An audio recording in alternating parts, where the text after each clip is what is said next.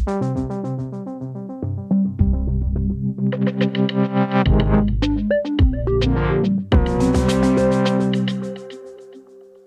svær overvægt en sygdom, som fedmemedicin skal hjælpe med at kurere? Sundhedsminister Sofie Løde, hun skriver i en mail til en uafhængig morgen, at stadig flere danskere slås med svær overvægt. Derfor så vil regeringen som supplement til den forebyggende indsats og hjælpen til en sundere livsstil også bruge fedmemedicin for at løse det, der i regeringsgrundlaget kaldt for et alvorligt sundhedsproblem. Regina øh, Fjernbo, du er tykaktivist og stifter af Tykhøjskolen. Godmorgen. Godmorgen. Anerkender du, øh, ligesom regeringsgrundlaget gør, at svær overvægt er et alvorligt sundhedsproblem? Øhm, nej, det, det gør jeg ikke. Altså man kan sige, at øh, de sidste mange år, der har vi snakket om det her med en fedmeepidemi, øh, og, øh, og hvordan at, øh, at øh, befolkningen bliver tykkere og tykkere. Men i samme periode, der har vi altså set, at befolkningen den i virkeligheden bliver sundere og lever længere. Så det her med, at vi bliver tykkere, betyder ikke det samme som, at vi bliver usundere. Øh, og det er, jo, øh, det er jo lidt et problem i den her påstand, at det skulle handle om sundhed, når de gerne vil øh, skrumpe tykke mennesker, men at øh, vi ikke ser, at der følger usundhed med at øh, befolkningen bliver tykkere og tykkere. Der følger ikke usundhed med, skriver du. Øh, der står i regeringsgrundlaget, at svær overvægt har en betydelig risikofaktor for at udvikle en lang række sygdomme, herunder hjertekarsygdomme, diabetes, slidgigt og en visse former for kræft. Er det forkert? Øh, nej, altså det tænker jeg, det kan vi se i tallene, at, det, øh, at, at der er større risiko for at udvikle de her sygdomme, hvis man er tyk. Det, det kan man jo sådan rent statistisk gå ind og kigge. Øh, sker det ofte, at de her mennesker bliver tykkere?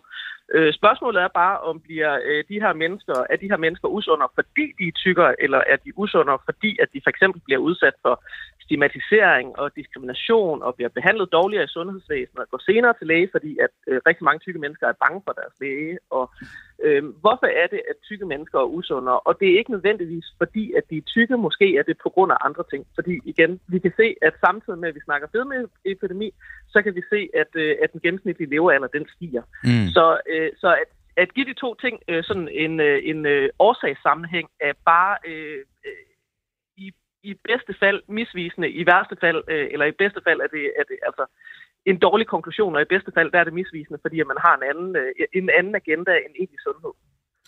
Hvad er det for en evidens, du har for, at det skyldes stigmatisering, at de har en højere risiko for blandt andet de her sygdomme, jeg lige får nævnt? Altså, nu vil jeg gerne sige til at starte med, jeg har ikke evidens, for jeg er ikke forsker. Det er forskere, der laver det her. Men du kan modsige det, øh, det at det skulle være et alvorligt sundhedsproblem? Øhm, altså, det kan man jo se i og med, at, at vi, så vi siger, at fedmeepidemien øh, gør, at vi bliver usundere, men vi kan se, at befolkningen samtidig med, at vi bliver tykkere og tykkere bliver sundere, så, så er der ikke en sammenhæng der.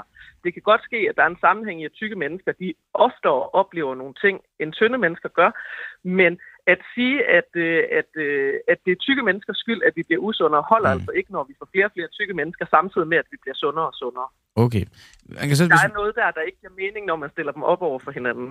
Mm, altså, uanset hvad, så ser vi jo stadigvæk et sammenfald mellem øh, overvægtige, svært overvægtige, og så de her følgesygdomme, som, som jeg lige har nævnt. Men hvis vi nu ser bort, bort fra den del, så skriver Berlingske, at overvægtige øh, øh, ligger mindst 15 milliarder øh, kroner til, til Danmarks sundhedsudgifter.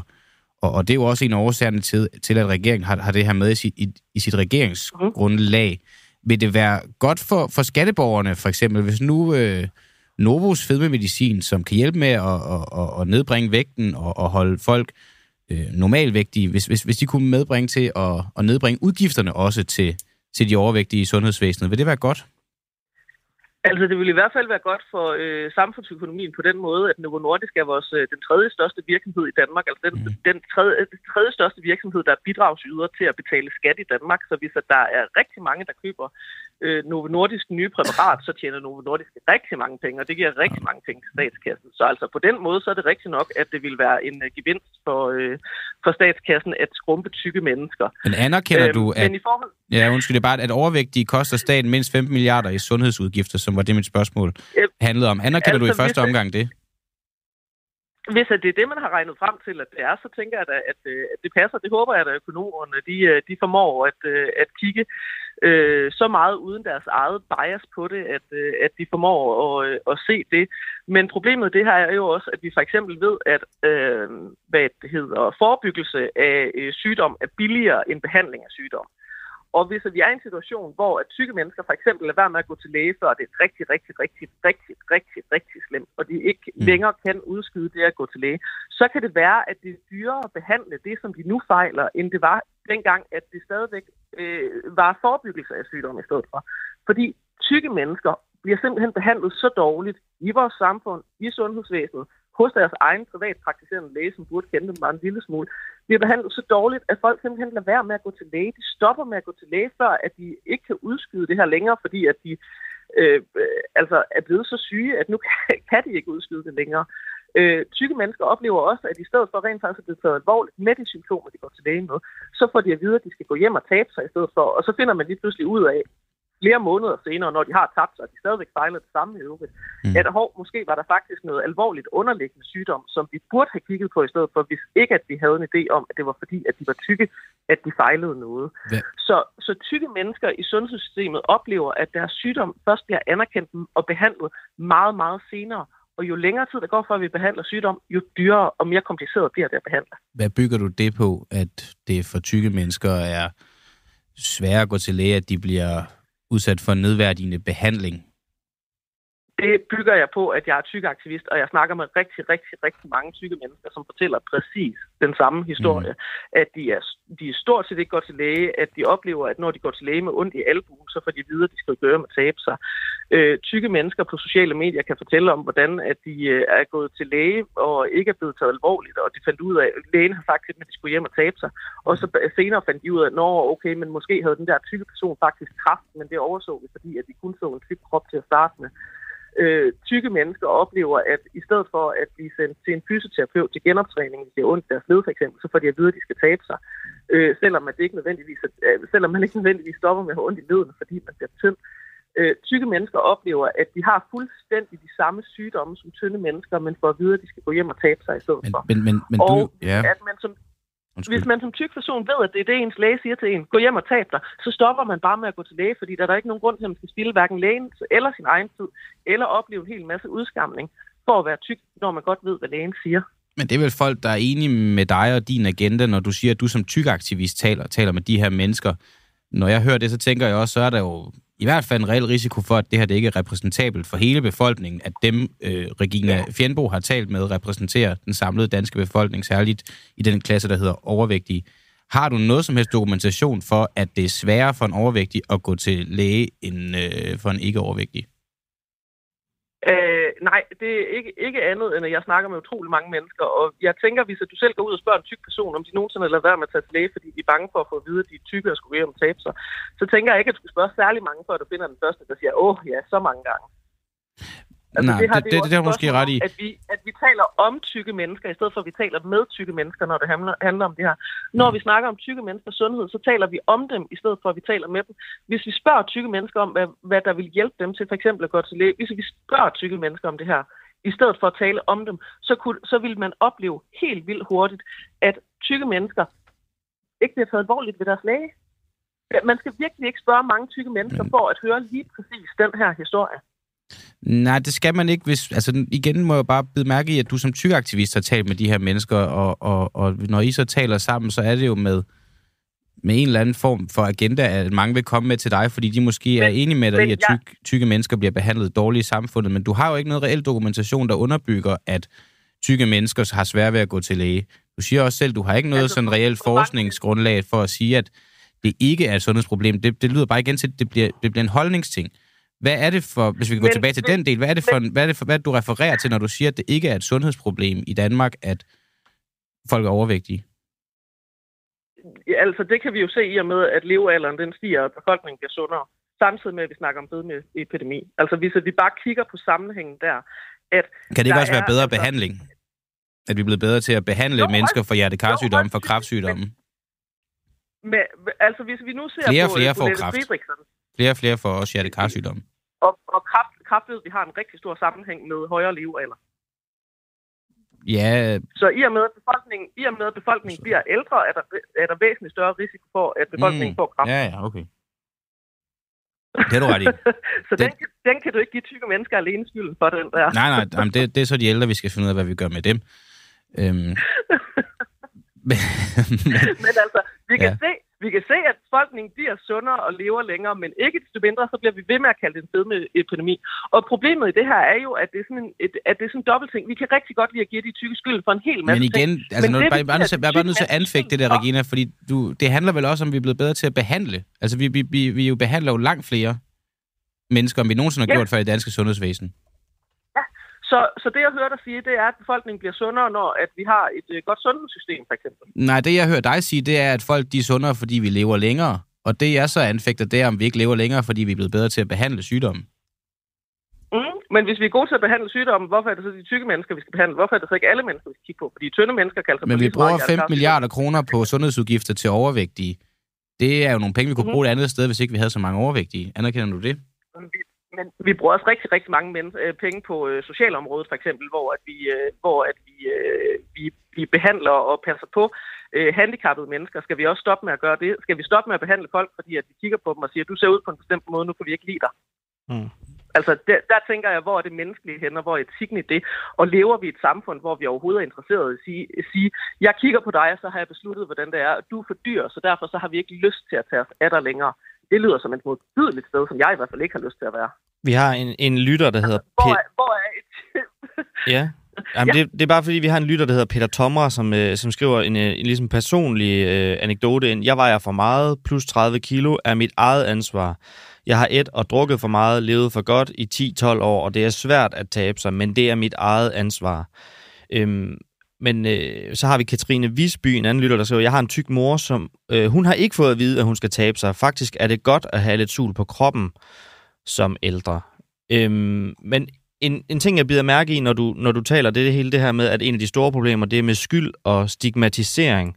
Øh, og det nævnte du også omkring, at, øh, at regeringen anser svær overvægt for at være en betydelig risikofaktor for de her dele. Altså, når regeringen skriver det her, hvor ser du så, at der kommer sådan et, skyldspørgsmål ind i det hele? Fordi de beskriver vel egentlig bare, at svær overvægt er en betydelig risikofaktor for en lang række sygdomme, som Christian så listede op før.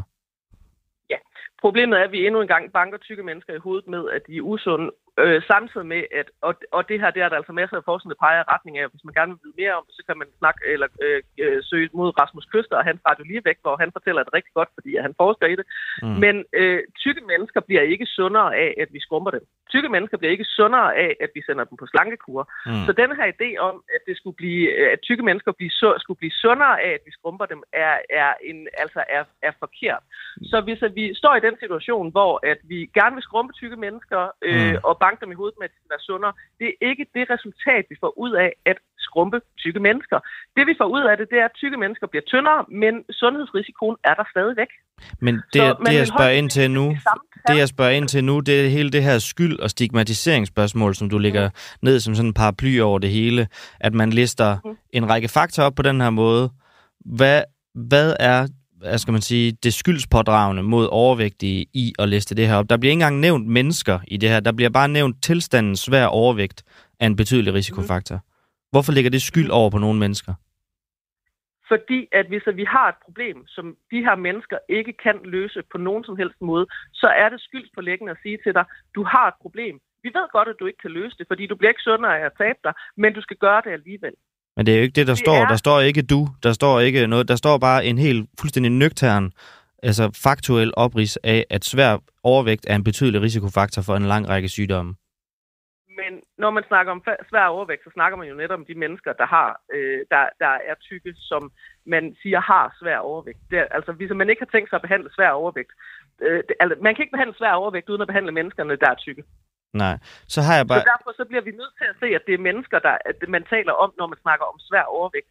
Det er tykke mennesker, man taler om, og det er igen, at vi taler om dem i stedet for at tale med dem. Vi forholder os ikke til, øh, mm. gør, bliver det her, gør det her rent faktisk tykke mennesker sundere. Vi snakker bare om en eller anden sygdomstilstand. Men vi har ikke en sygdomstilstand, eller hvad vi nu skal kalde det, fordi det mener jeg ikke, at tykkhed er. Vi har ikke en sygdomstilstand, uden at vi har mennesker, der kan have den. Nej. Og det, så vi snakker stadigvæk om... Det er jo fuldstændig rigtigt, at hver gang, at der, hver gang man taler statistik, så er der jo, hvad skal man sige, rigtige mennesker inde i den statistik. Men nogle gange, mm. når man taler om samfundsmæssige tilstande, så er man jo også nogle gange nødt til at tale i overordnede termer. Så er mit spørgsmål bare, hvis ikke man skal, hvad skal man sige, pådrage skyld og stigmatisere tykke mennesker, hvordan skal man så overhovedet tale om så store tal, som det, der er, er tilfældet her? Jamen, jeg tænker ikke, at det nødvendigvis er det enkelte tilfælde her, der er problemet. Problemet er jo, at, at det her med skyld og stigmatisering og diskrimination øh, mm. gennemsyrer hele vores samfund. Det ligger alle steder. Og så er det det her problem med, at vi siger, at befolkningen bliver sundere, hvis tykke mennesker bliver tyndere. Den hænger ikke sammen. Så når at vi pålægger tykke mennesker det her ansvar for folkesundheden, så er det, at vi pålægger stigmatisering. Fordi hvis det handler om folkesundhed, så skal vi kigge på befolkningen, ikke på tykke mennesker. Hvis det handler om folkesundhed, så skal vi se, hvad vi gør for befolkningen. Og noget af det, man også gør i forhold til diabetes og hjertekarsygdomme og kræft og alle de her ting, det er jo for eksempel at kigge på det stressniveau, der generelt er i samfundet, fordi det ved mm. vi også, der kan give øh, hjertekarsygdomme og diabetes og alle de her ting. Men ikke desto mindre, så har vi altså en befolkning, der er mere stresset, end nogen de nogensinde har været. Vi har mistrivsel helt fra øh, tidlig, tidlig alder. Vi har unge mennesker, der ikke ønsker at gå i skole, der ikke, øh, der ikke har gode relationer, der ikke... Altså en hel masse ting. Hvis mm. vi skulle kigge på de her ting, kunne vi også kigge det på, på det på et samfundsniveau, hvor vi siger, hov, men det kunne være, at vi skulle lade være med at have så meget præstationssamfund, hvor et mennesker bliver arbejdskraft i stedet for mennesker. Det kunne være, at vi skulle øh, danne unge mennesker til at blive gode samfundsborgere, som ved noget, og som kan noget, og som føler, at de har værdi i verden, i stedet mm. for, at vi skal uddanne dem til at blive, til at blive arbejdskraft for samfundet. Vi har jo fået sådan en fortælling i verden, eller ja, i hele verden faktisk efterhånden, om at mennesker er et, et middel for, for målet, som er samfund og som er arbejde, i stedet for at arbejde er noget, vi gør for, at vi kan leve og have gode liv og have råd til at leve, og måske fordi det er meningsfuldt. Vi kunne, det kunne vi også kigge på, hvis det skulle handle om sundhed, og hvis det skulle handle om, at vi gerne ville have mindre øh, hjertekarsygdomme og alle sådan nogle ting. Så mm. vi ved, der også er stressrelateret. Men, og igen, men... hvis vi så ser på det stressrelaterede, stigmatisering og diskrimination avler stress. Mm. Men mit, min indvending er måske bare, om vi, hvis ikke vi kan nævne øh, statist- overordnede statistikker på det her område, om vi så ikke ender et sted, hvor vi overhovedet ikke kan tale om altså overvægt som et øh, samfundsfænomen.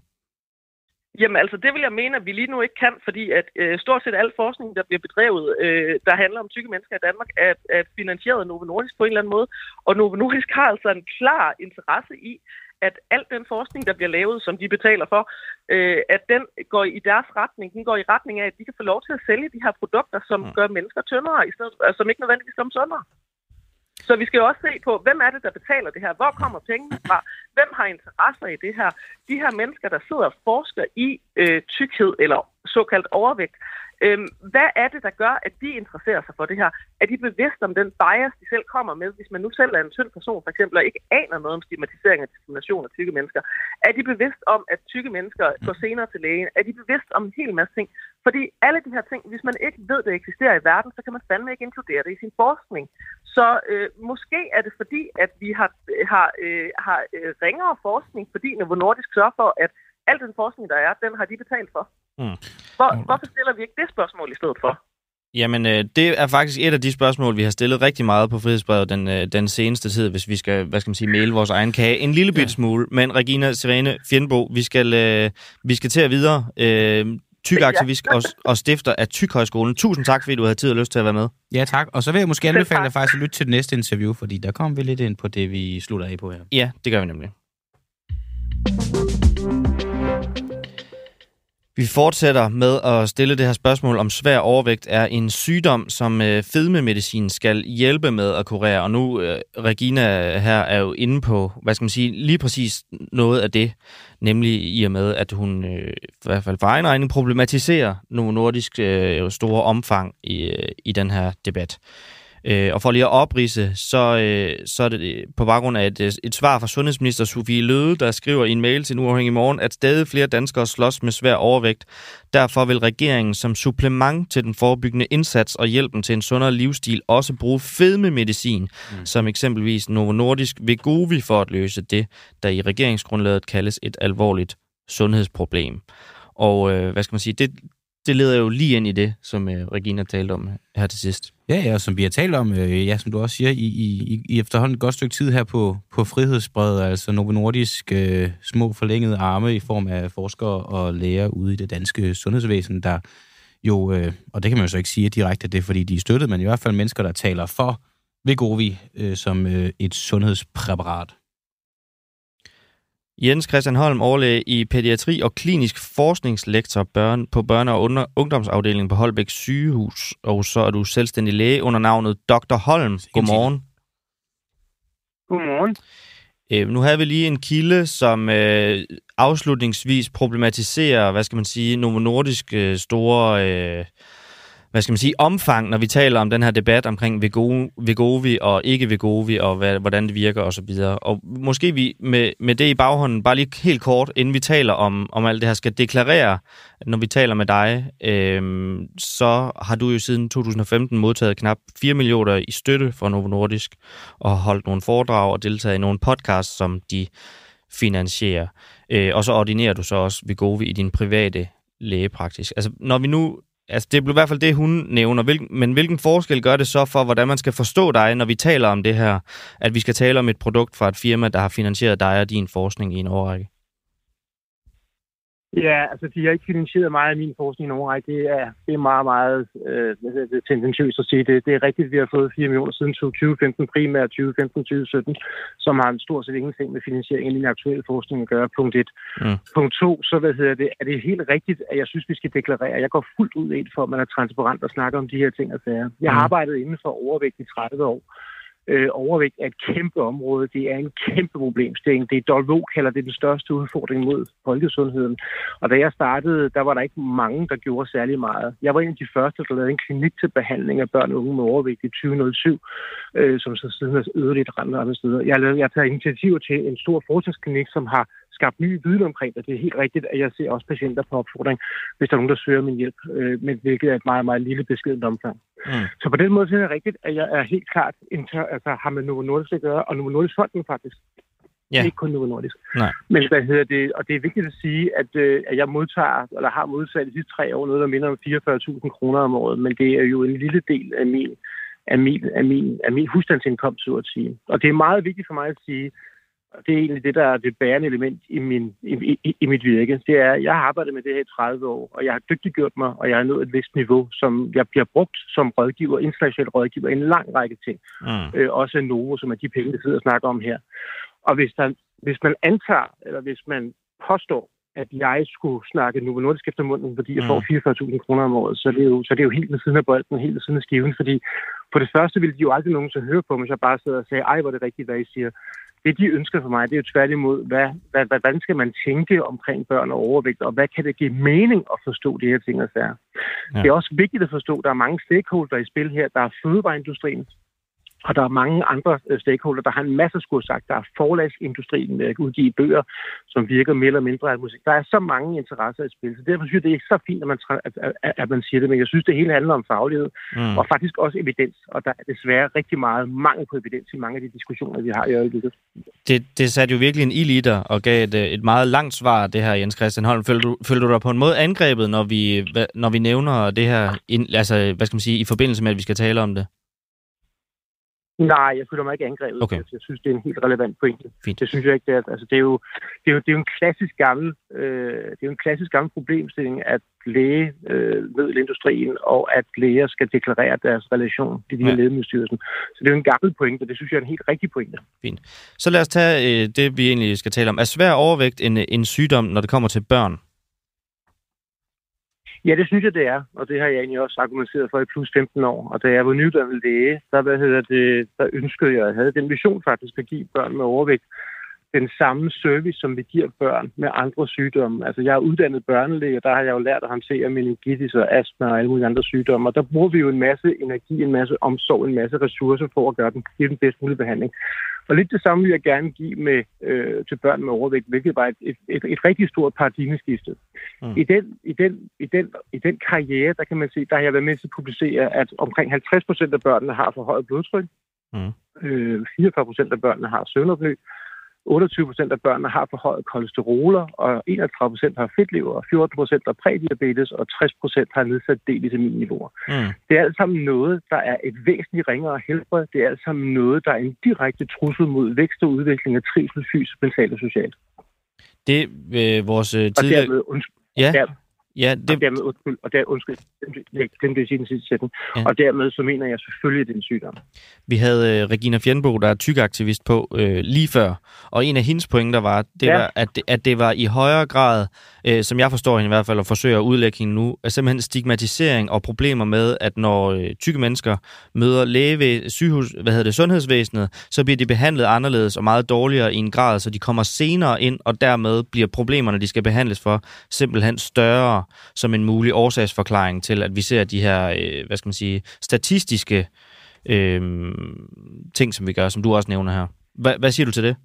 Ja, Jamen, jeg siger to ting. Jeg siger punkt et, at det er rigtigt, at i den klassiske hospitalsverden og lægeverden, hvor man ikke rigtig har forstået, hvad overvægt er, hvor man ikke har taget det alvorligt, hvor man ikke yder den respekt over for det, som man burde, der, hvad hedder det, der er der helt klart øh, både diskrimination, stigmatisering og en dårlig behandling af mennesker med overvægt. Og det er der faktisk lavet en række studier over internationalt, at, at de bliver behandlet ringere. Så det er jeg enig i.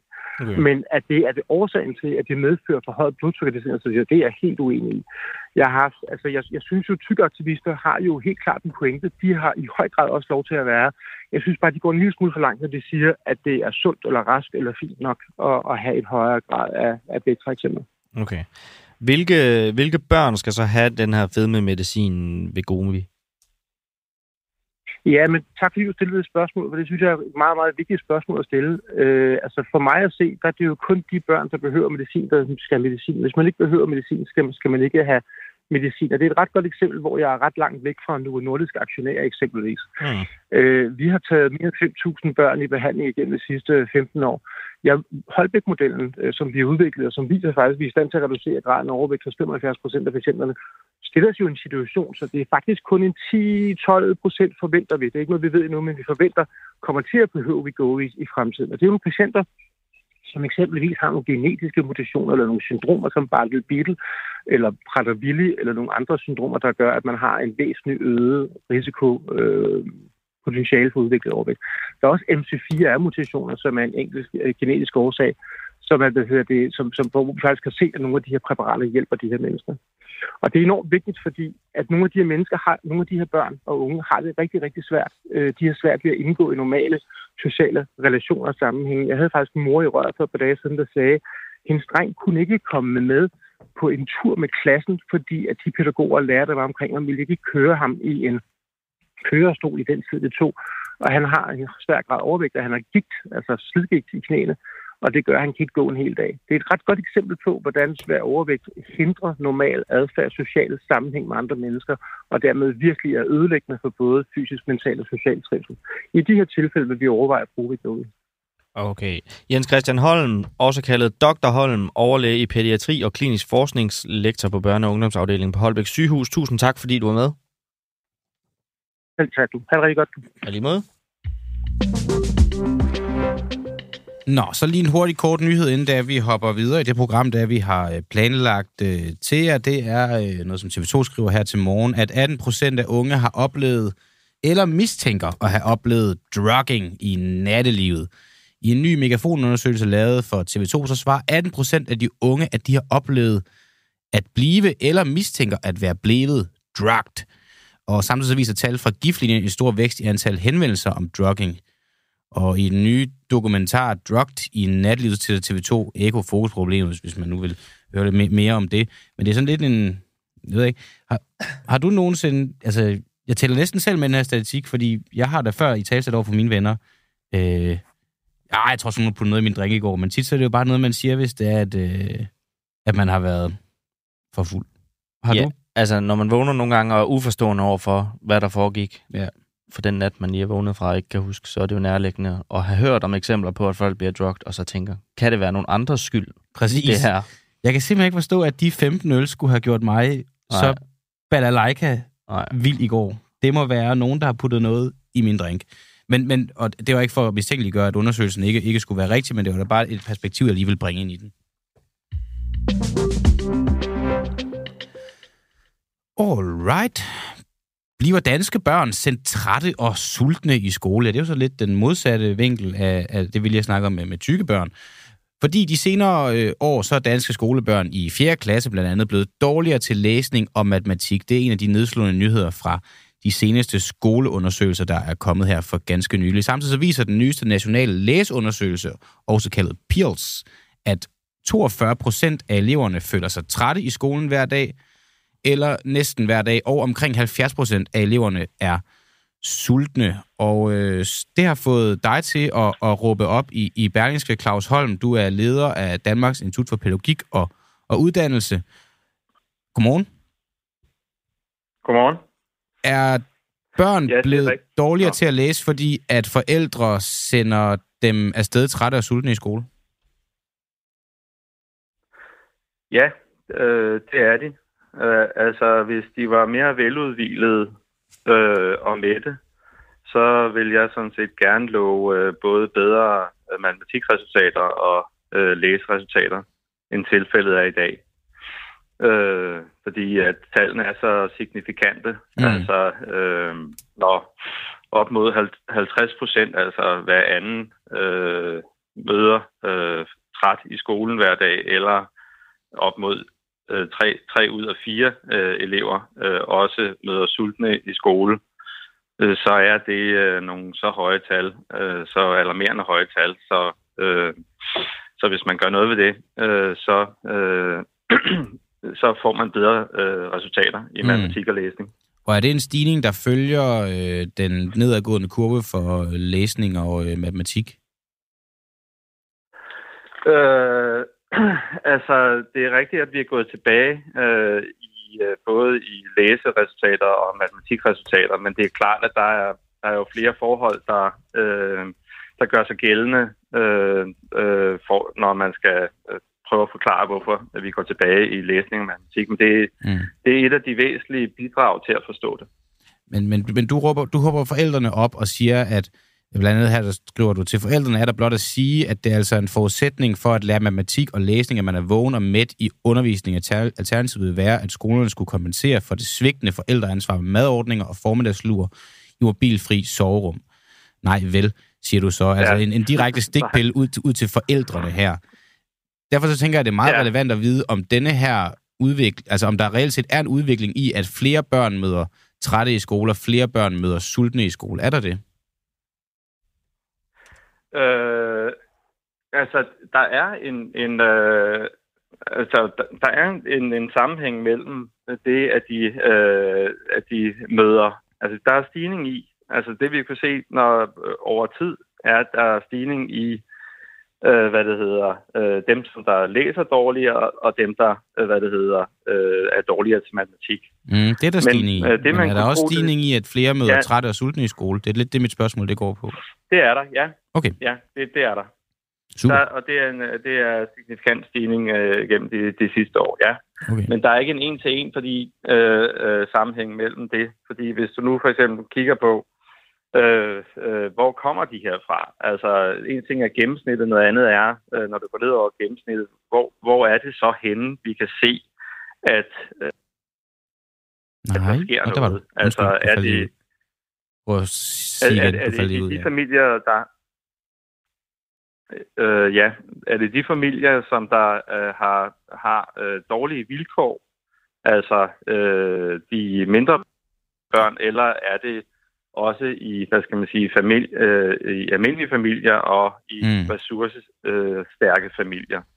Og der kan man øh, øh, sige, at der faktisk er øh, blandt øh, de sultne børn er en overrepræsentation af familier, som øh, øh, altså øh, øh, med en svag familiebaggrund. Men øh, der, hvor man faktisk kunne se stigningen, ikke mindst i matematik, øh, om, på matematikområdet, var faktisk, at de ressourcestærke øh, forældres øh, børn også øh, mødte øh, sultne op. Mm. Så det, man kan sige, det er, at det ikke kun handler om familiens vilkår, det handler også om, om hvordan vi opfatter forældreansvar øh, nu om dagen. Noget, jeg så kommer til at tænke på, som jeg tror, mange kan, kan genkende til, det, det er mig selv. Øh, jeg øh. Ja. mærker tit i løbet af en dag, at jeg er sulten. Jeg mærker også tit i løbet af en dag, at jeg er træt. Øh, og, og, og, så, og, så, og så kommer jeg så bare til at tænke på, så vil jeg jo også tælle med sådan en statistik her. Altså, hvor, meget, øh, hvor mange gange i løbet af en dag skal man mærke sult eller træthed, for at man tæller med i den her statistik? Nå, men altså, Øh, de, altså, de, de er jo blevet spurgt om, om de, øh, om de er, øh, om det er nogle gange, som du siger, ikke? eller mm. om det er ofte. Men selvom man reducerede tallene lidt, så vil de stadigvæk være meget signifikante. Altså, vi taler om op mod hver anden. Jeg, jeg, ja, der oplever det hver dag, eller næsten var, hver dag. Men jeg, jeg oplever ja, hver dag at være sulten og træt. Altså. Særligt, når jeg vågner. Ja. Øh, men også i løbet af dagen. Vil, vil jeg ende med at tælle med den her statistik, ja. hvis jeg gik i folkeskole? Øh, jamen altså, hvis du havde svaret, at du var øh, ofte, eller, eller hver dag, eller, eller ofte, så vil du øh, selvfølgelig, øh, øh, øh, hvad det hedder, tælle med. Uh-huh. Men statistikken siger ikke noget om, om man øh, også føler sig midt Men, men, men statistikken siger jo ikke noget om dig, den siger noget om øh, øh, rigtig mange tusind børn, altså som der, øh, der øh, hvor vi kan følge en, en udvikling både i Danmark og internationalt, at, at det her er i stigning. Alright. Det, det, og det, og det det ene. Det andet er, at altså, selve ideen om, om det veludvilede og det mætte barn har øh, er, er en idé, som vi kender fra 19, øh, tilbage i tiden fra 1950'erne. Altså, øh, og i dag kan man jo konstatere, at det ideal øh, øh, næppe fungerer, mm. øh, når op mod halvdelen, henholdsvis tre, tre ud af fire, øh, halvdelen øh, møder sultne, og, og tre ud, eller er trætte, og, og tre ud af fire er sultne, ikke? Jeps. Claus Holm, du er leder af Danmarks Institut for Pædagogik og Uddannelse. Tak fordi, at du var med her til morgen, og så må ja. du have en god dag. Selv tak. Jeg blev faktisk lidt sulten nu. Ja. Jamen, det kan vi jo ikke gøre noget ved, for vi sidder jo her senere. Jeg kan ikke sidde og spise nu. Du skal være veloplagt, Christian, når ja. du møder på arbejde. Det er rigtigt. Spis din morgenmad. Ja, jeg har spist min morgenmad. Jeg har spist to stykker toastbrød, for det var alt, hvad vi havde. Og det er måske også derfor, jeg føler mig en lille smule sulten. Men det er jo ikke det, folk de betaler for at høre mig sidde og fortælle, at jeg har spist to stykker toastbrød. Ej heller at se mig gøre det. Øh, vil man betale for, for det, så, så det vil vi egentlig godt finde ud af. Men, men, men jeg tænker, hvis vi skal videre, skal vi ikke det? Vi kan sende en MobilePay-anmodning ind i kommentarsporet. Ja. Nej, vi skal i stedet... Øh, jeg har brugt morgen på at læse lidt øh, nyheder, og der kan man læse, at Jyllandsposten her til morgen kaster et nyt lys over et notat fra Skatteministeriet, som... Øh, i hvert fald, hvad kan man sige, sætter den foreslåede afgift på lastbilerne i et lidt andet perspektiv, end hvad der hidtil har været debatteret. Skatteministeriet vurderer nemlig selv, at det vil betyde, at hver tiende lastbil forsvinder fra de danske veje, hvis det indføres.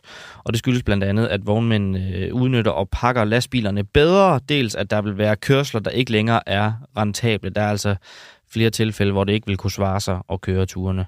Øhm, I klimaloven, der er der til gengæld skrevet ind, at dansk erhvervsliv skal udvikles og ikke afvikles, men lastbilsafgiften gør så ifølge Skatteministeriet selv her, i nogen grad i hvert fald det stik modsatte. Øhm, og det er der også nogen, der er ude at kritisere. Det er bare en dumme bøde og en måde at opkræve ekstra skatter på, siger Steffen Damsgaard, der er formand for Landsdistrikternes Fællesråd. Ja, så en anden nyhed, som vi også lige kort skal, skal vende nu, øh, det er, at øh, Recep Erdogan, han er jo officielt blevet erklæret som vinder af det tyrkiske præsidentvalg med lidt over 52 procent af stemmerne.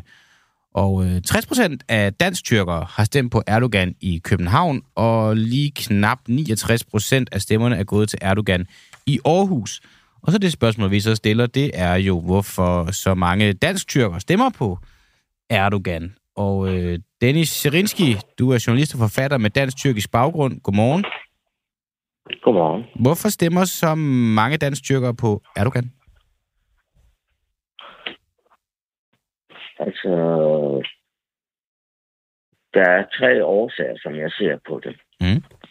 Den ene årsag er, at øh, mange af de øh, tyrkiske og kurdiske indvandrere, som mig selv, øh, enten er kommet til Danmark fra de, fattige, fra de der konservative landdistrikter i Tyrkiet, eller også er efterkommere af gæstearbejdere, der i sin tid er kommet her fra de områder altså fra de, der, fra de konservative landsbyer.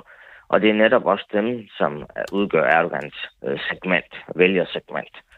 Så på den, på, det, på den måde giver det jo god mening, kan man sige. Det, den anden årsag er, at Erdogan ofte fører en retorik mod Vesten. Det er meget også dem, og det er meget øh, centreret omkring islam og identitet og værdipolitik, hvor han ofte anklager Vesten for at være hadsk over for islam og racistisk osv. Hvis du så som tyrkisk eller kurdisk indvandrer i Danmark oplever racisme, hvis du oplever, at du ikke kan blive lukket ind på diskoteker lignende og andre ting, jamen så, så vil du kunne spejle dig i Erdogans retorik. Mm. Øh, den går direkte ind hos nogen.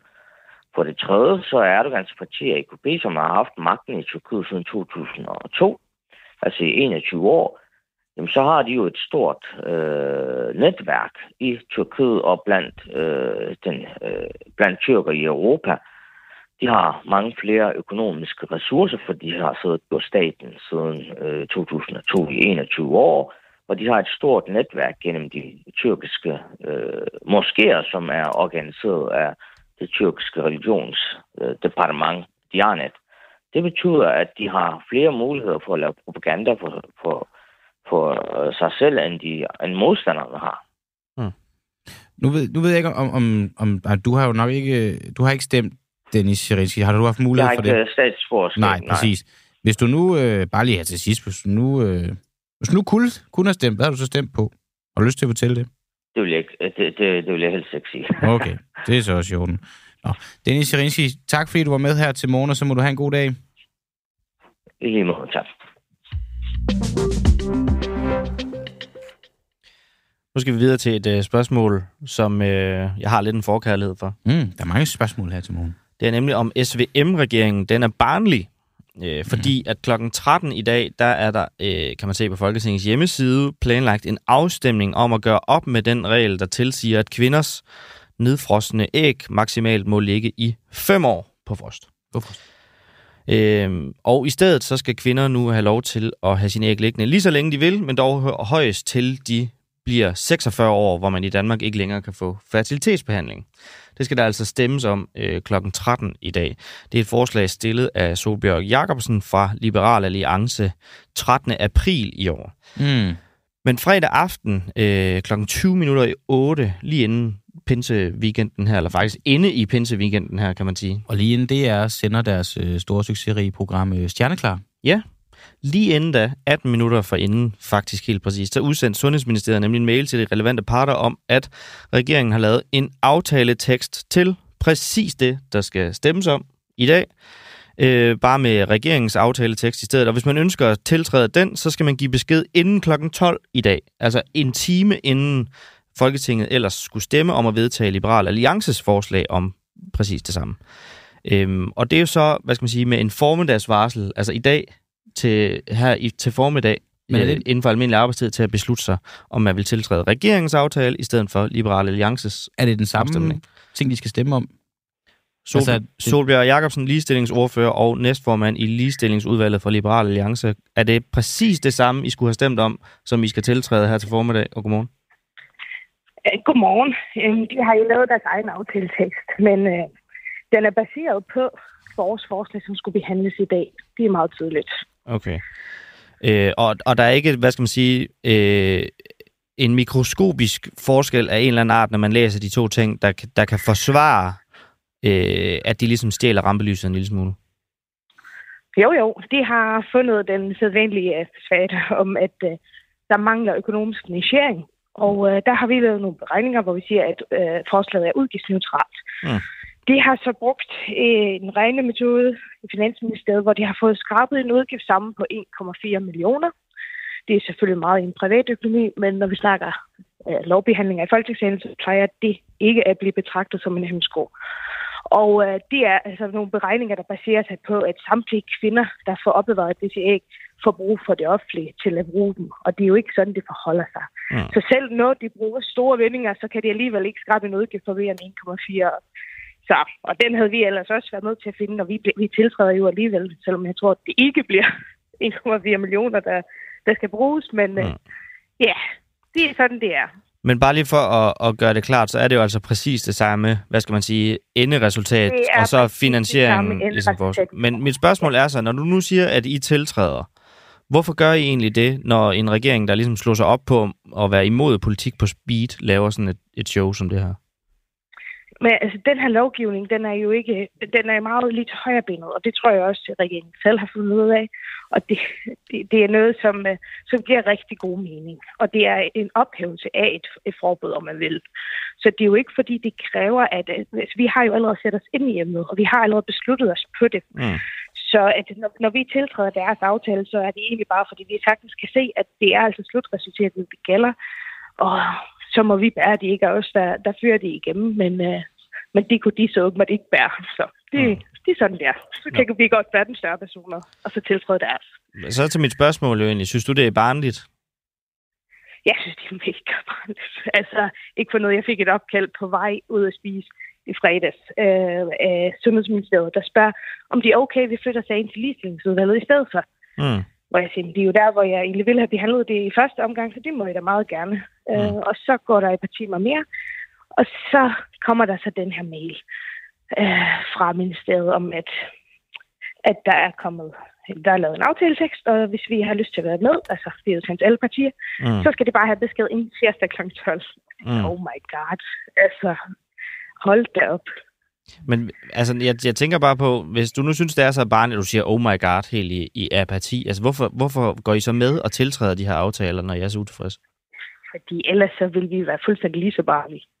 Altså, det er jo, vi skal ikke tage de her kvinder som gisler i, hvem kan få en, en større vindersag. Det, det, det handler om, det er, altså vi har jo fået det her via et borgerforslag, ja. hvor der er nogle uh, gode kræfter, der har stået bag og virkelig fået kæmpet for at, uh, at få den her dagsorden uh, i spil og så løfter vi den videre mm. og, øh, og arbejder med dem. Og det er jo det, det handler om. Og det her, det bliver sådan noget Christiansborg på det værste. Mm. Og, øh, og det, det tænker jeg, ja, det er barnet af dem, men det vil også være barnet af os. Så sige, men vi vil ikke, vi vil have vores. Og så vil vi diskutere, om det koster noget i salen i tre timer. Altså, nu, det er altså lidt farligt. Bare lige her til sidst, øh, måske for at understrege pointen endnu mere. Nu har du jo gået i skole, du har gået på universitetet, du har også været, været ekstern lektor på Aalborg Universitet. Hvis der var en af dine elever, der lavede det her samme nummer, øh, altså, ja, det er måske en dum måde at spørge det på, men, men, men, men, men, men til, har, de, har de stjålet øh, jeres øh, opgave? Jeg ved ikke, om de har stjålet vores opgave. De har i hvert fald fået en uh, identisk idé med vores i samme uge, som vores skal behandles. Og vil det har vækket en mistanke som underviser? Altså, jeg ved ikke, som underviser, så har jeg ikke sammen, oplevet det på nogen som helst måde, men uh, man skal åbenbart til Christiansborg, så man oplever det. Åh, oh, wow. Man kan blive overrasket. Solbjørg Jacobsen, ligestillingsordfører og næstformand i Ligestillingsudvalget for Liberal Alliance. Tak fordi du var med. Selv tak. God dag. Lige måde. Og jeg skal lige skynde mig at sige, at Monika Rubin fra Moderaterne, farvel til Solbjørg Jacobsen, Monika Rubin fra Moderaterne har jeg bedt om en interview, hvor I jo gerne vil spørge, hvorfor den aftaletekst, vi nu taler om her, skulle vedtages med så kort et aftræk. Altså mm. sendes ud lidt i 8 fredag aften, og den skal tiltrædes inden kl. 12, hvis man vil være med, når at specielt moderaternes, altså fuldstændig alt afgørende raison d'etre, det var at gøre op med politik på speed. Jeps. Og Men, hvad svarer hun så til det, Nikolaj, den den Det svarer hun ikke på. Nå. Men øh, det kan være, det kommer på et andet tidspunkt. Eller du måske skal skrive, at hun godt må skynde sig lidt at få se for svaret. Det er jo det. Vi skal også skynde os videre, Nikolaj. Det skal vi nemlig, fordi at i løbet af pinsen, så er der sket flere store ting, nemlig den, øh, hvad skal man sige, ting, at der lige pludselig dukkede 20 milliarder ekstra op til øh, Ukrainefonden, som skal sendes den vej af den øh, danske regering. Ukrainefonden, som vi jo tidligere på fedesbrevet, bare lige en sidebemærkning, har afsløret, at slet ikke er en fond, men lad nu det øh, mm. være det. Nå ja, det har du... Det som, er, det, som er spørgsmålet her, Peter Ernst Ved, chefredaktør på Olfi. Øh, godmorgen.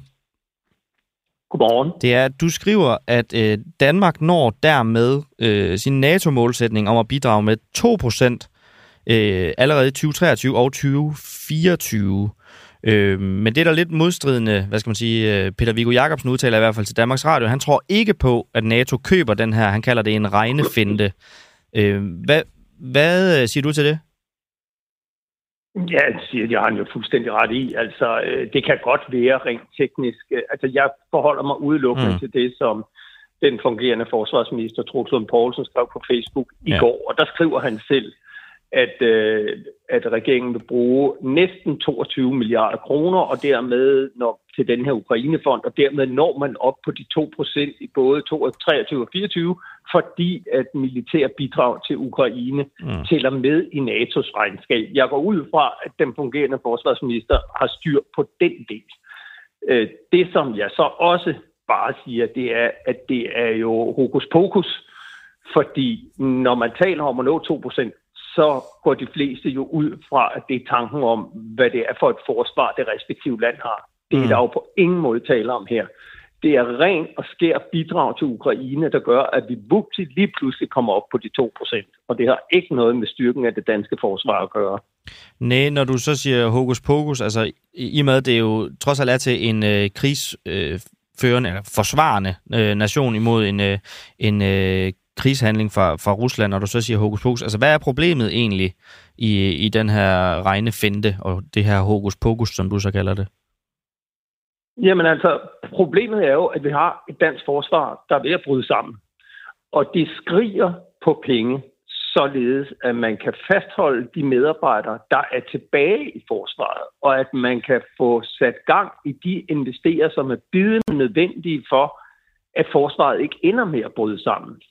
Og altså, krigen begyndte i februar sidste år. Der er ikke tilført en femøre til opbygningen af forsvaret endnu. Det er snart halvandet år siden, at den krig begyndte, og mens vores nabolande har boostet deres forsvar og ruster op, fordi man står over for en helt ny trussel, så sidder vi i Danmark og taler sammen om, hvordan vi skal gøre. Nu præsenterer regeringen så et udspil til, hvordan økonomien kan se ud. Mm. Men der er ingen planer nu til at investere i det danske forsvar, men samtidig så kan man godt hælde milliarder ned i det ukrainske forsvar, og fred være med, at vi gerne vil hjælpe det ukrainske forsvar.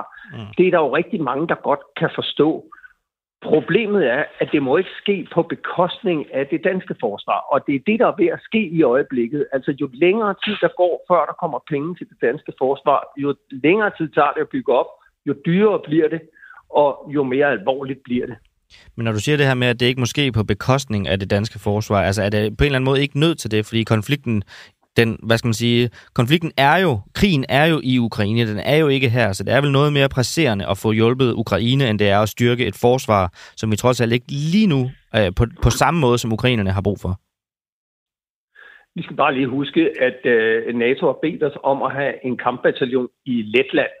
Den er der ikke nu, fordi vi har ikke flere soldater, og den kampbataljon indgår jo i afskrækkelsen af Rusland, der skal sørge for, at Rusland ikke får nye luftige tanker om at udvide krigen fra Ukraine. Så der er i allerhøjeste grad brug for et dansk forsvar, der fungerer og som kan løfte sin opgave. Mm. Det kan det ikke lige nu. Og, og det bliver kun værre, jo længere tid der går, før man får tilført penge og får investeret i de bidende nødvendige midler. Og det, der overrasker mange, det er, at man ikke bare i det mindste siger, jamen så tag nu og få lavet de investeringer, der skal til nu og her, og så kan vi give resten af pengene til Ukraine. Mm. Altså, det lader til, at, at det eneste, man kan give her og nu, det er Ukraine, og så må det danske forsvar vente 10 år på, at øh, vi kommer i form.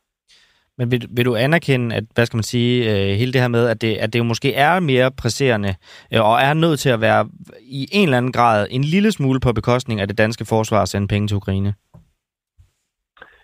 Jamen, jeg mener ikke, det bør være på bekostning af det danske forsvar. Det bør jo køre sideløbende, mm. fordi der er en trussel mod Danmark, som vi slet ikke tager alvorligt, og, og hvis vi bliver ved med at uh, smide alle pengene i uh, fonden til Ukraine, jamen så går det ud over det danske forsvar. Fordi det danske forsvar har brug for pengene lige nu. Mm. Okay. Peter Wernst, ved chefredaktør på Olfi. Tusind tak, fordi du har tid og lyst til at være med. Selv tak. Bare lige kort forlængelse af det, vi taler om her. Så i dag jo, netop som han også siger, dagen, hvor at mange øh, af alle de her penge, der skal forhandles om i forsvarsforliget, forventes at blive præsenteret. Mm-hmm. Og tidligere så har Weekendavisen jo beskrevet, at det efter deres oplysninger kommer til at dreje sig om mere end 100 milliarder øh, over en periode på de næste 10 år. Og Berlingske de skriver derudover til morgen, at de er besiddelse af en ønskeseddel fra forsvaret selv, hvor der står øh, materiel for mere end 87 milliarder på. Og så kan man så dertil lægge det labarbejde, der er blevet nødvendigt efter mange års øh, nedprioritering af forsvaret, som er vurderet til at stå sig i 38 milliarder kroner. Så det er ikke en, hvad skal man sige, en øh, sidebemærkning af en aftale, der skal forhandles i den kommende tid. For sygeplejersker i virkeligheden nok i løn? Det er jo hvad skal man sige, lidt omvendt af, hvad man øh, i hvert fald øh, har hørt meget af i, i den offentlige debat. Det må man sige. Sygeplejersker for nok i løn lyder det endelige udkast til Lønstrukturkommissionens rapport, som er blevet lægget til TV2. Der står nemlig, at sygeplejerskernes løn matcher øh, deres ledelsesansvar, erhverv, erhvervserfaring og uddannelsesniveau. Frank Jensen, sygeplejerske i akutmodtagelsen øh, og har arbejdet i det akutte i seks år. Godmorgen. Godmorgen. Øh, tjener I i virkeligheden rigeligt? Ja, det synes jeg bestemt ikke, man kan sige. Og jeg synes egentlig, at, øh, det, at man, man øh, med, med afsæt i at sige vores erfaring og uddannelsesniveau, så tjener vi rigeligt.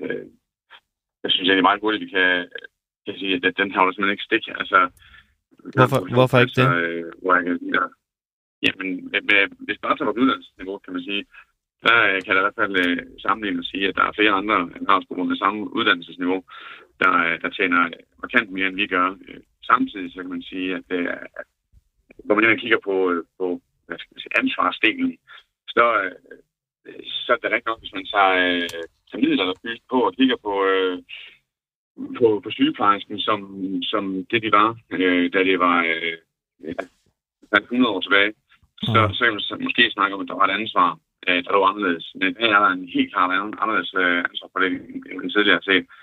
Sygeplejerske bærer en kæmpe del af ansvaret for den patientbehandling og den patientpleje, der er. Mm. Og mediceret så har øh, lægen jo behandlingsansvaret, men vi står som sygeplejersker med ansvar for at observere patienterne. Det er os, der har tiden hos patienterne, og dermed skal holde øje med, om de steder i tilstand bliver dårligere. Du har masser af eksempler på sygeplejersker, der står med selvstændig virke, altså eksempelvis øh, sygeplejersker, der, øh, selv udfører øh, forskellige øh, former for, for endoskopier. Mm. Sygeplejersker, der selv laver diagnostiske undersøgelser osv. Og der er også der står med, med, med ansvaret, og det vil vi ikke honorere for. Så, så, så den der med ansvar og uddannelse, der er simpelthen ikke stigt. Men hvordan skulle man så, hvis man nu skulle have, have undersøgt det her, altså hvilken præcis konkret kategori skulle have været medregnet for, at det har været passende ifølge dine øjne? Jamen altså, hvis man sådan, øh, det man kan gøre sådan helt, helt simpelt, er jo, øh, som vi også fra sygeplejerskernes side gennem lang tid har sagt, øh, så, så stop med at kigge på den samlede lønudbetaling. Det kan simpelthen ikke nytte noget, at min løn, som indeholder juleaften, nytårsaften, alle helligdagene, hvor jeg knokler rundt, mens folk sidder med deres familier, øh, det er sammenlignet med en 8-4 løn. Det, det, det, er jo at sammenligne pære og bananer. Og, og det har man jo sagt for længe siden. Og, og under sidste hvad hedder det, velforhandling og under sidste konflikt, der var de blå tænketanke også ude over at fortælle, at det er alt for meget, de får det alt for forfærdeligt. At man sammenligner en løn, der er baseret på nattevagter og tjenetillæg og heldagstillæg, men det er jo lige præcis det, I, I, I sygeplejersker over en bred kamp har råbt op om, det er, at de skal have mere i løn. Så giver det vel meget god mening at tage sådan en samlet vurdering af, hvad man får i løn i alt. Fordi det er jo lønnen, I har råbt op om.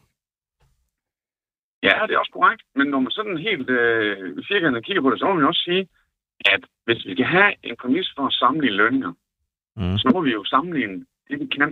Det er jo ikke, altså, en hver, der arbejder øh, på en helligdag, eller på tilkald om natten, mm. får en honorering for det. Ja. Yeah.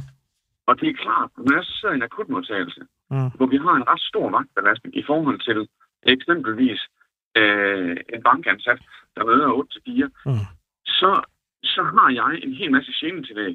Men det er jo genetillæg. Min streg gene. Det er fordi, jeg udfører arbejde på tidspunkter, hvor andre mennesker ellers normalt holder fri. Men det var ikke gener, I har protesteret imod. Det er for lav løn, og det er det, der bliver, det, der bliver undersøgt her. Så skal I vel have ændret jeres banner og jeres t-shirts til, at der skal stå lønløft, og så skal der vel stå øh, genefradrag i stedet for, eller et eller andet. Nej, fordi det er ikke, øh, det er ikke korrekt. Det vi beder om, det er netop, at vores løn, vores grundløn, den løn, vi er sikret, uagtet hvilket tidspunkt af døgnet vi arbejder på, den skal løftes. Og det er ikke pas, at man som sygeplejerske for at holde en hederlig månedsløn skal arbejde hele dagen, nat og alle mulige andre skæve tidspunkter. Mm. Det skal jo være sådan, så hvis du for eksempel sidder i et ambulatorium som sygeplejerske øh, og arbejder 8-4, så skal du have en god lønvilkår, fuldstændig ligesom alle andre har. Og det kan ikke passe, at vi som sygeplejersker skal gå og døjes med en, en øh, løn, blot fordi vi øh, også har nogen i faggruppen, der arbejder nat og hele dag. Mm. Det er ikke mening. Men vil, nu, bare lige for at forstå det, vil du gerne have færre gener, eller vil du gerne have mere i løn? Jeg vil helt klart have mere løn, og ja, på sigt, lige nu som vi sidder nu, der er en del af vores gener, det der løfter vores løn op, det er blandt andet massivt overarbejde. Altså, øh, og det, det, det, er jo med til at opbære en høj løn. Og hvis man nu kunne forestille sig, at man gør det mere attraktivt for sygeplejersker at komme tilbage til den øh, regionale sygepleje, altså ude ved, ved patienterne på hospitalerne, eller den kommunale for den sags skyld, mm. øh, så kunne det jo også godt være, at vi har lidt flere kollegaer og lidt flere hænder til at, at løfte opgaven. Og har vi det, så vil det jo også medføre, at jeg får en, en, en lavere belastning. En af de... En lavere, hvad skal man sige, en af de grupper, man kan se, der får øh, mindre i løn end, øh, end sygeplejersken her i, det er dagplejere, og de, de har jo også mange af de her gener. Altså hvis man er dagplejer, øh, så er der også tilfælde, hvor man, øh, hvor man skal passe øh, på skæve tidspunkter. Altså hvorfor, hvorfor tjener I mere i løn end øh, en rengøringsassistent, der også skal gøre rent, selvom at der, der kan være helligdag, eller dagplejere? Altså, nu vil jeg så sige, i den kontekst, der, øh, nu, nu vil jeg slet ikke øh, sige, at de får for meget eller for lidt. Altså, jeg, øh, jeg forholder mig udelukkende til, hvad sygeplejersker får. Mm. Og der kan man sige, øh, når, hvad, hvad de andre får, jamen, hvis de får for lidt, så, skal de jo, altså, så er det jo også ganske givet. Altså, det, det ved, så hvis en dagplejer har en øh, pædagogisk uddannelse, så er det samme uddannelsesniveau som en sygeplejerske, og derfor også få tilsvarende løn. Øh, jeg taler som sygeplejerske ikke for, øh, at andre skal have mindre løn. Jeg øh, mener, at der skal være en færre lønfordeling. Ja, pædagoger, pædagogiske assistenter osv., det ligger også i gruppen lavt lønnet. Okay. Det er bare et faktum, at i samfundet i Danmark, der er det at arbejde med mennesker, det er bare en rigtig, rigtig dårlig løn. Altså, mm. det, det, det er jo det, der er galt, ikke? Altså, hvis jeg sidder og håndterer penge på sygehuset, ikke? sidder jeg og, og, og taster ind uh, på, på computeren, så får jeg en meget højere løn, end hvis jeg er ude at passe de syge mennesker. Det, det er det, jeg ikke forstår. Jeg kan ikke forstå, at vi i vores samfund værdsætter vores velfærd så lidt. Nej. Frank Jensen, sygeplejerske i akutmodtagelsen. Tusind tak, fordi du var med. Det er velkommen. Så lad os bare lige hurtigt nå en lytterkommentar fra René Bigum. Det er i forhold til samtalen med Ernst ved omkring NATO og vores bidrag dertil. Pinligt, det lyder som værende på grænsen til svindel og direkte underminerer de medlemmer, som rent faktisk yder deres. Vi må da snart blive smidt ud af NATO med den opførsel. Og øh, noget, der bliver... Øh, vi bliver smidt ud af det her studie her nu. Jeg hedder Christian Henriksen. Jeg hedder Nikolaj Dandanel, og i teknikken sad Magne Hans og Peter Svarts var redaktør. Kan I have det godt?